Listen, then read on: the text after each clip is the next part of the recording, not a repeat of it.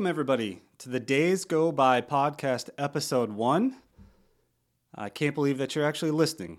That means that you went through my intro and for some reason still decided to give this a shot. I'm very appreciative. Thank you very much. I've been super stoked to get this going, this first episode, but then I started talking to my best friend of the last 25 years, Dan, and um, I was kind of telling him about what I wanted to do, telling him about this podcast, and it kind of pauses, and he's like, you know, that's a pretty cool idea. Um, just don't be you. Basically, that's basically what he told me. So yeah, that got my boner limp a little bit. You know, don't be you. What the fuck's that mean? And he's like, well, just don't be a character. I'm like, I don't, I don't even understand. That's not the point. Like, I'm not an actor, you know. So fuck you, Dan. So anyway, had me down for a little bit, but then I decided, what do I care what Dan says? I've never really given a shit what he says before. Why am I going to listen to it now? So I'm not. Here I am. Um, in this episode, basically, I'm going to talk about me. I'm going to give you a little bit of background to my life up to this point, a little bit. Not going into detail too much. Don't want to bore you that much. But uh, 39 years old, been married for 17 years to the same woman. I have two kids, Sophie and Olivia. They are eight and nine. All three of my ladies are awesome, beautiful people. And you'll hear my daughters and my wife on this podcast coming up shortly. Not in this episode, but future episodes if you're still listening by then. So I look forward to you know, gracing everybody with their personalities. Because, man, my daughters are far and above anything that I deserve or ever thought that I would get.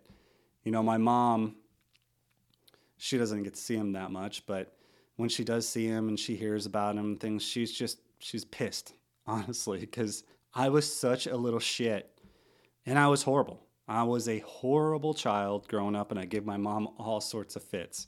And then my mom sees my daughters, and she just doesn't understand it. She doesn't understand how that could have happened, how my girls could be so well mannered and pleasures to be around and honest and authentic. So she always gives me a hard time. She she keeps wishing, you know, that I would get a little bit of what I gave her, but so far so good. But like I said, they are only 8 and 9. I know the time is coming soon to where they will hopefully not hate my guts, but um, not want to be around me as much, not think I'm as cool and funny as they do now. I live in Oregon. Um, I've been here now for 25 years.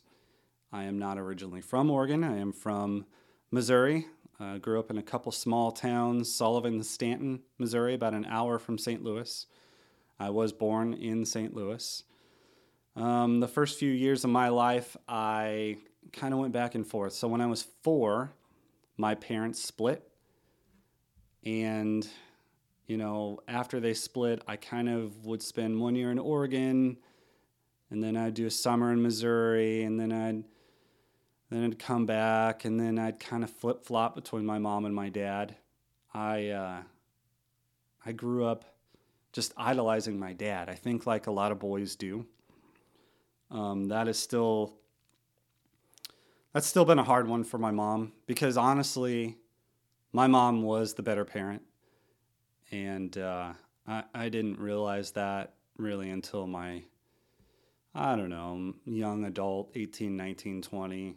My dad loved me with all of his heart, but you know, my dad was the one that left left me. Um, before he moved, the last memory that I have is I would go visit him, and he had this. He was staying in a hotel, and I would go over there, and I can't remember a lot about visiting.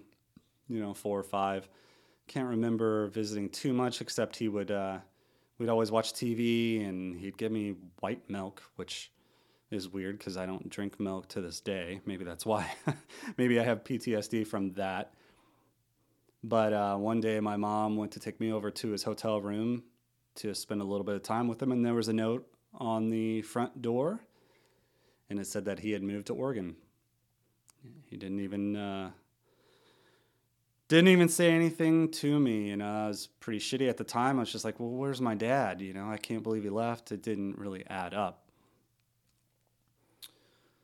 But you know, I was young and dumb, and I just missed my dad, so I wanted to visit him as much as possible, and my mom was very accommodating with that. She didn't have to do that, but she would let me come visit. And I still feel bad whenever I would come on a summer to visit and then I would end up staying.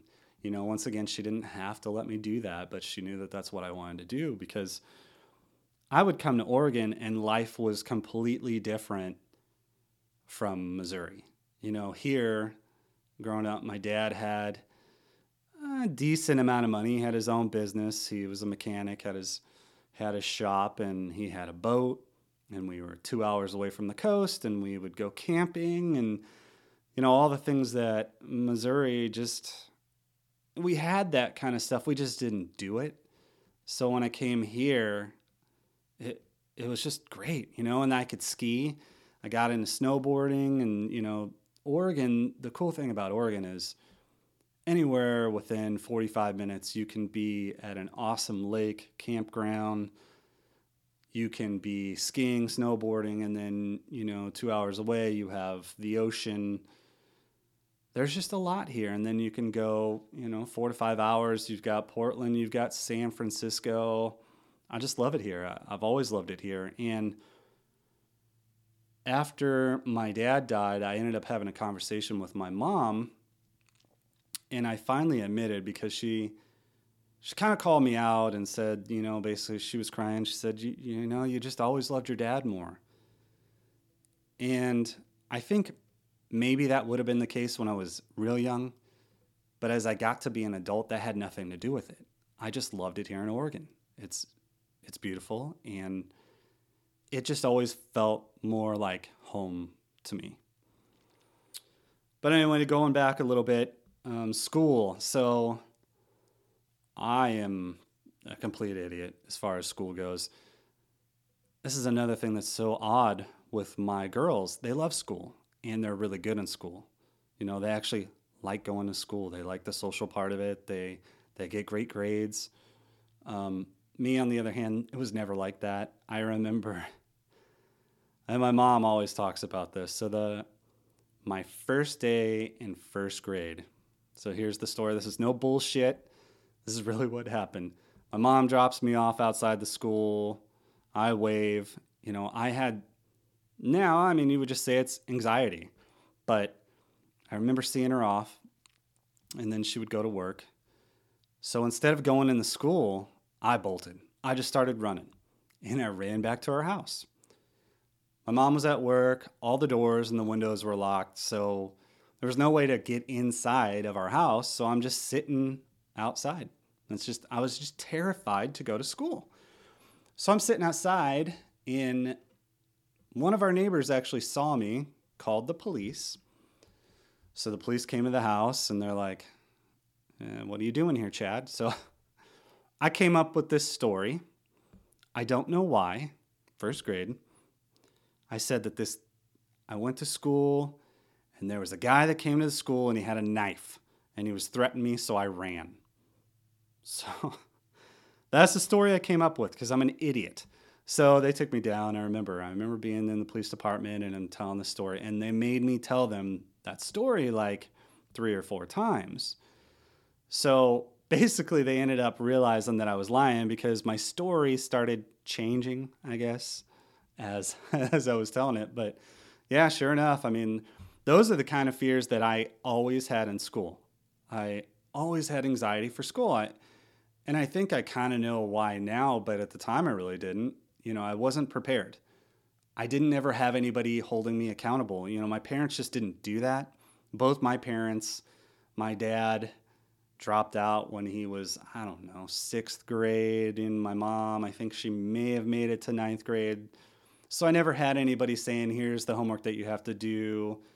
Um, I had nobody checking up on my grades and all that. And so I just failed. So ultimately, fast forward, uh, freshman year, I went back to, I was in school in Missouri and I, uh, I did okay. You know, there was, I'd say on average, I was like a C student. Um, but then right after my freshman year, I came up here to Oregon to visit my dad, and I still had some friends. That's the other thing I guess I should say is back in Missouri, I had two friends, well, three friends, and those guys are great. I'm still friends with two of them today, and they've become really awesome people. But honestly, they wouldn't have been friends with me. The only reason that the only reason we all became friends was because my mom married a guy and it was a small little town and I lived between two of the guys. So uh, they had to become my friend basically. And I'm glad they did because like I said, I I love those guys. You know, they're good family men now. They're good people, and um, I wish I got to hang out with them more.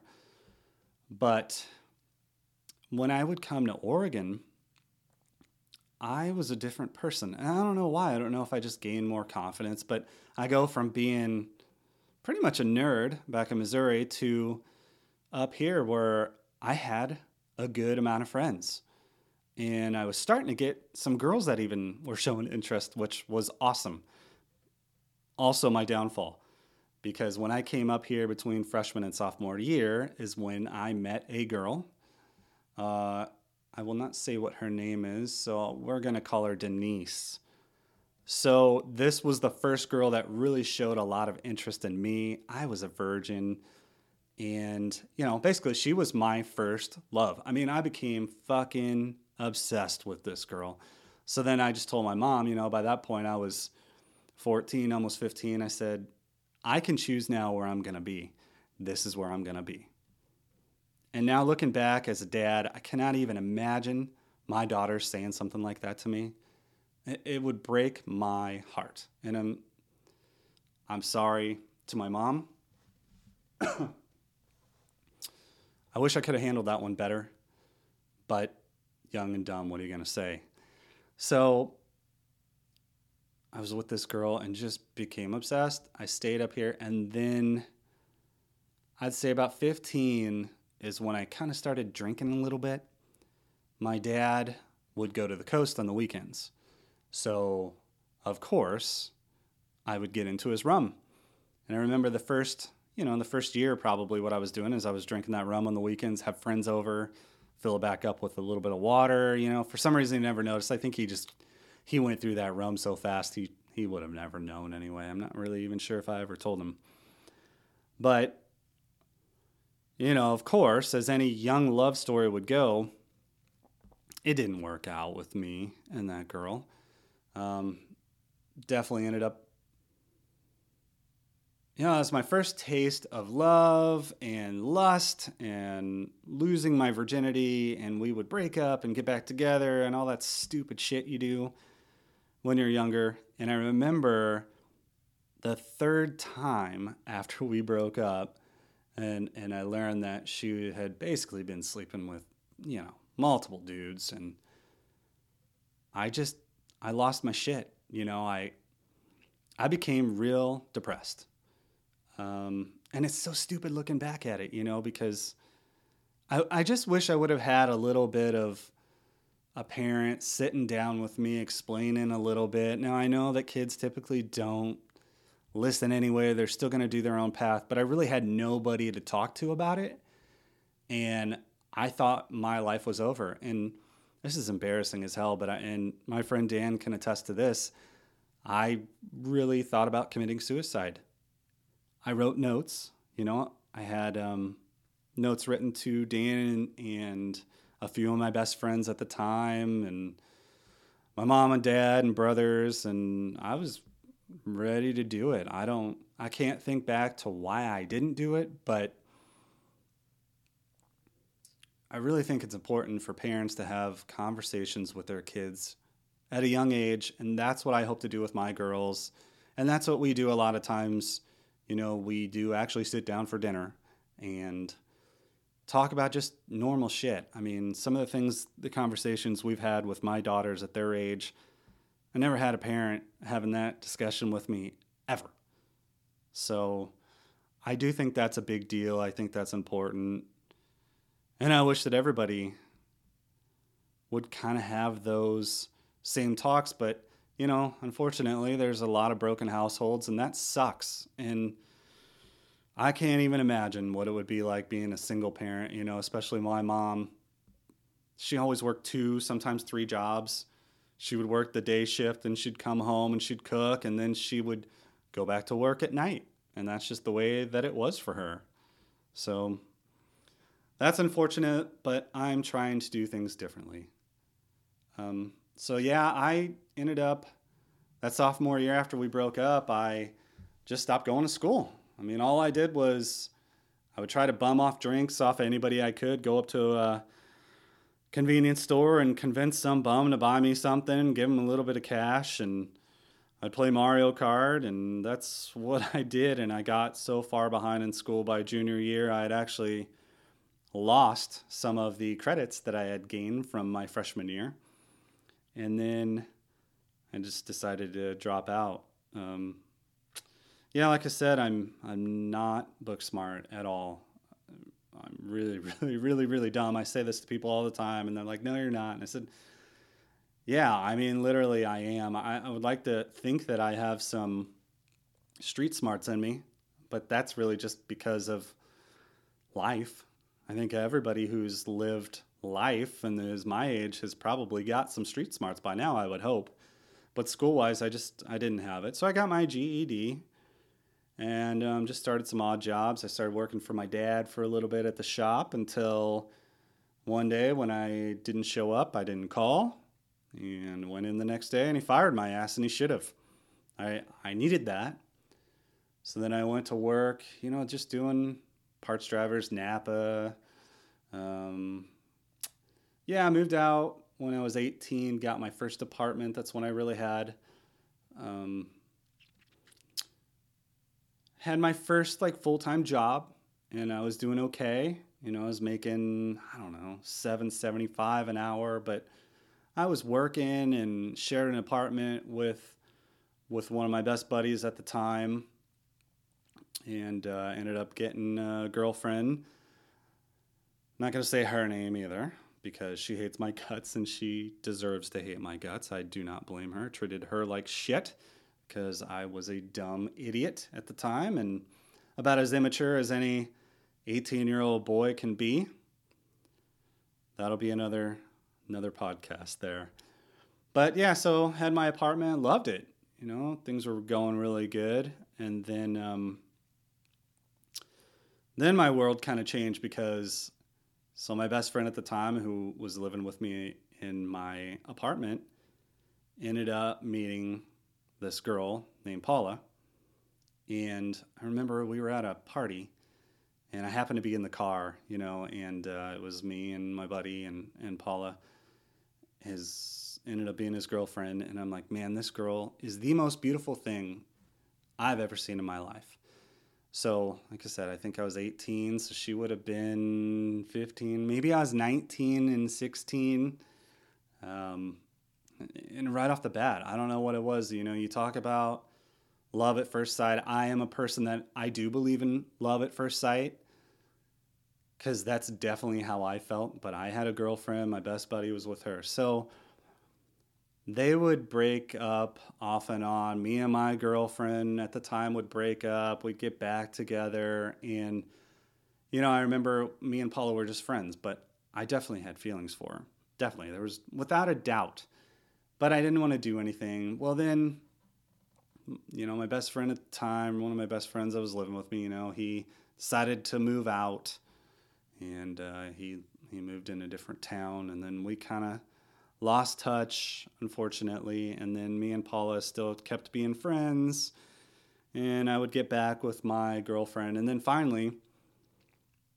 Uh, my friend and, and Paula ended up breaking up.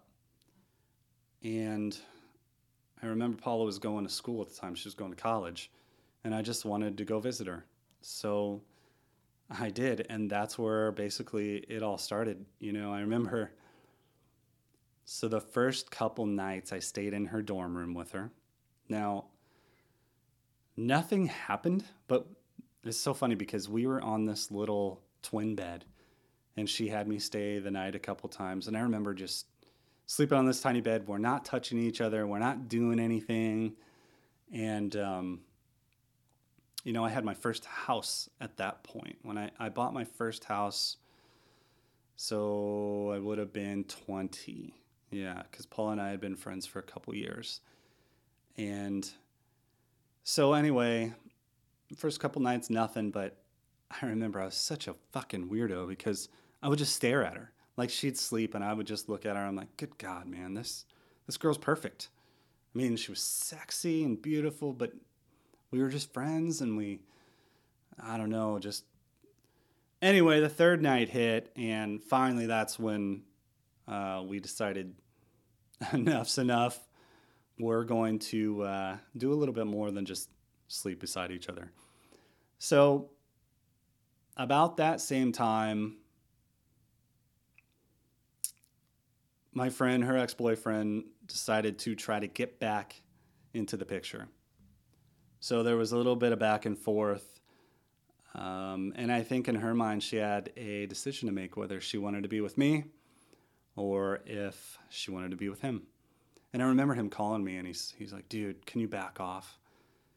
And I'm like, man, you guys have been broke up. You know, I, I care a lot about her. And, you know, that went on for couple days. And then I remember she was working at a bank and I just wrote a note just telling her how much I cared about her and telling her I love her and I hope that she decides to be with me. Luckily for me, she did. And I'd say within like, I don't know, a day after that, maybe two days, she was staying at my house, um, sleeping sleeping at my house, of course, and man, I was just on cloud nine. You know what it's like when you first you first get with someone and you're experiencing all these new things and you're just just like I said, cloud nine. Well, being the age that I was, like I said, I think so. I must have been 21. She was 18. Um,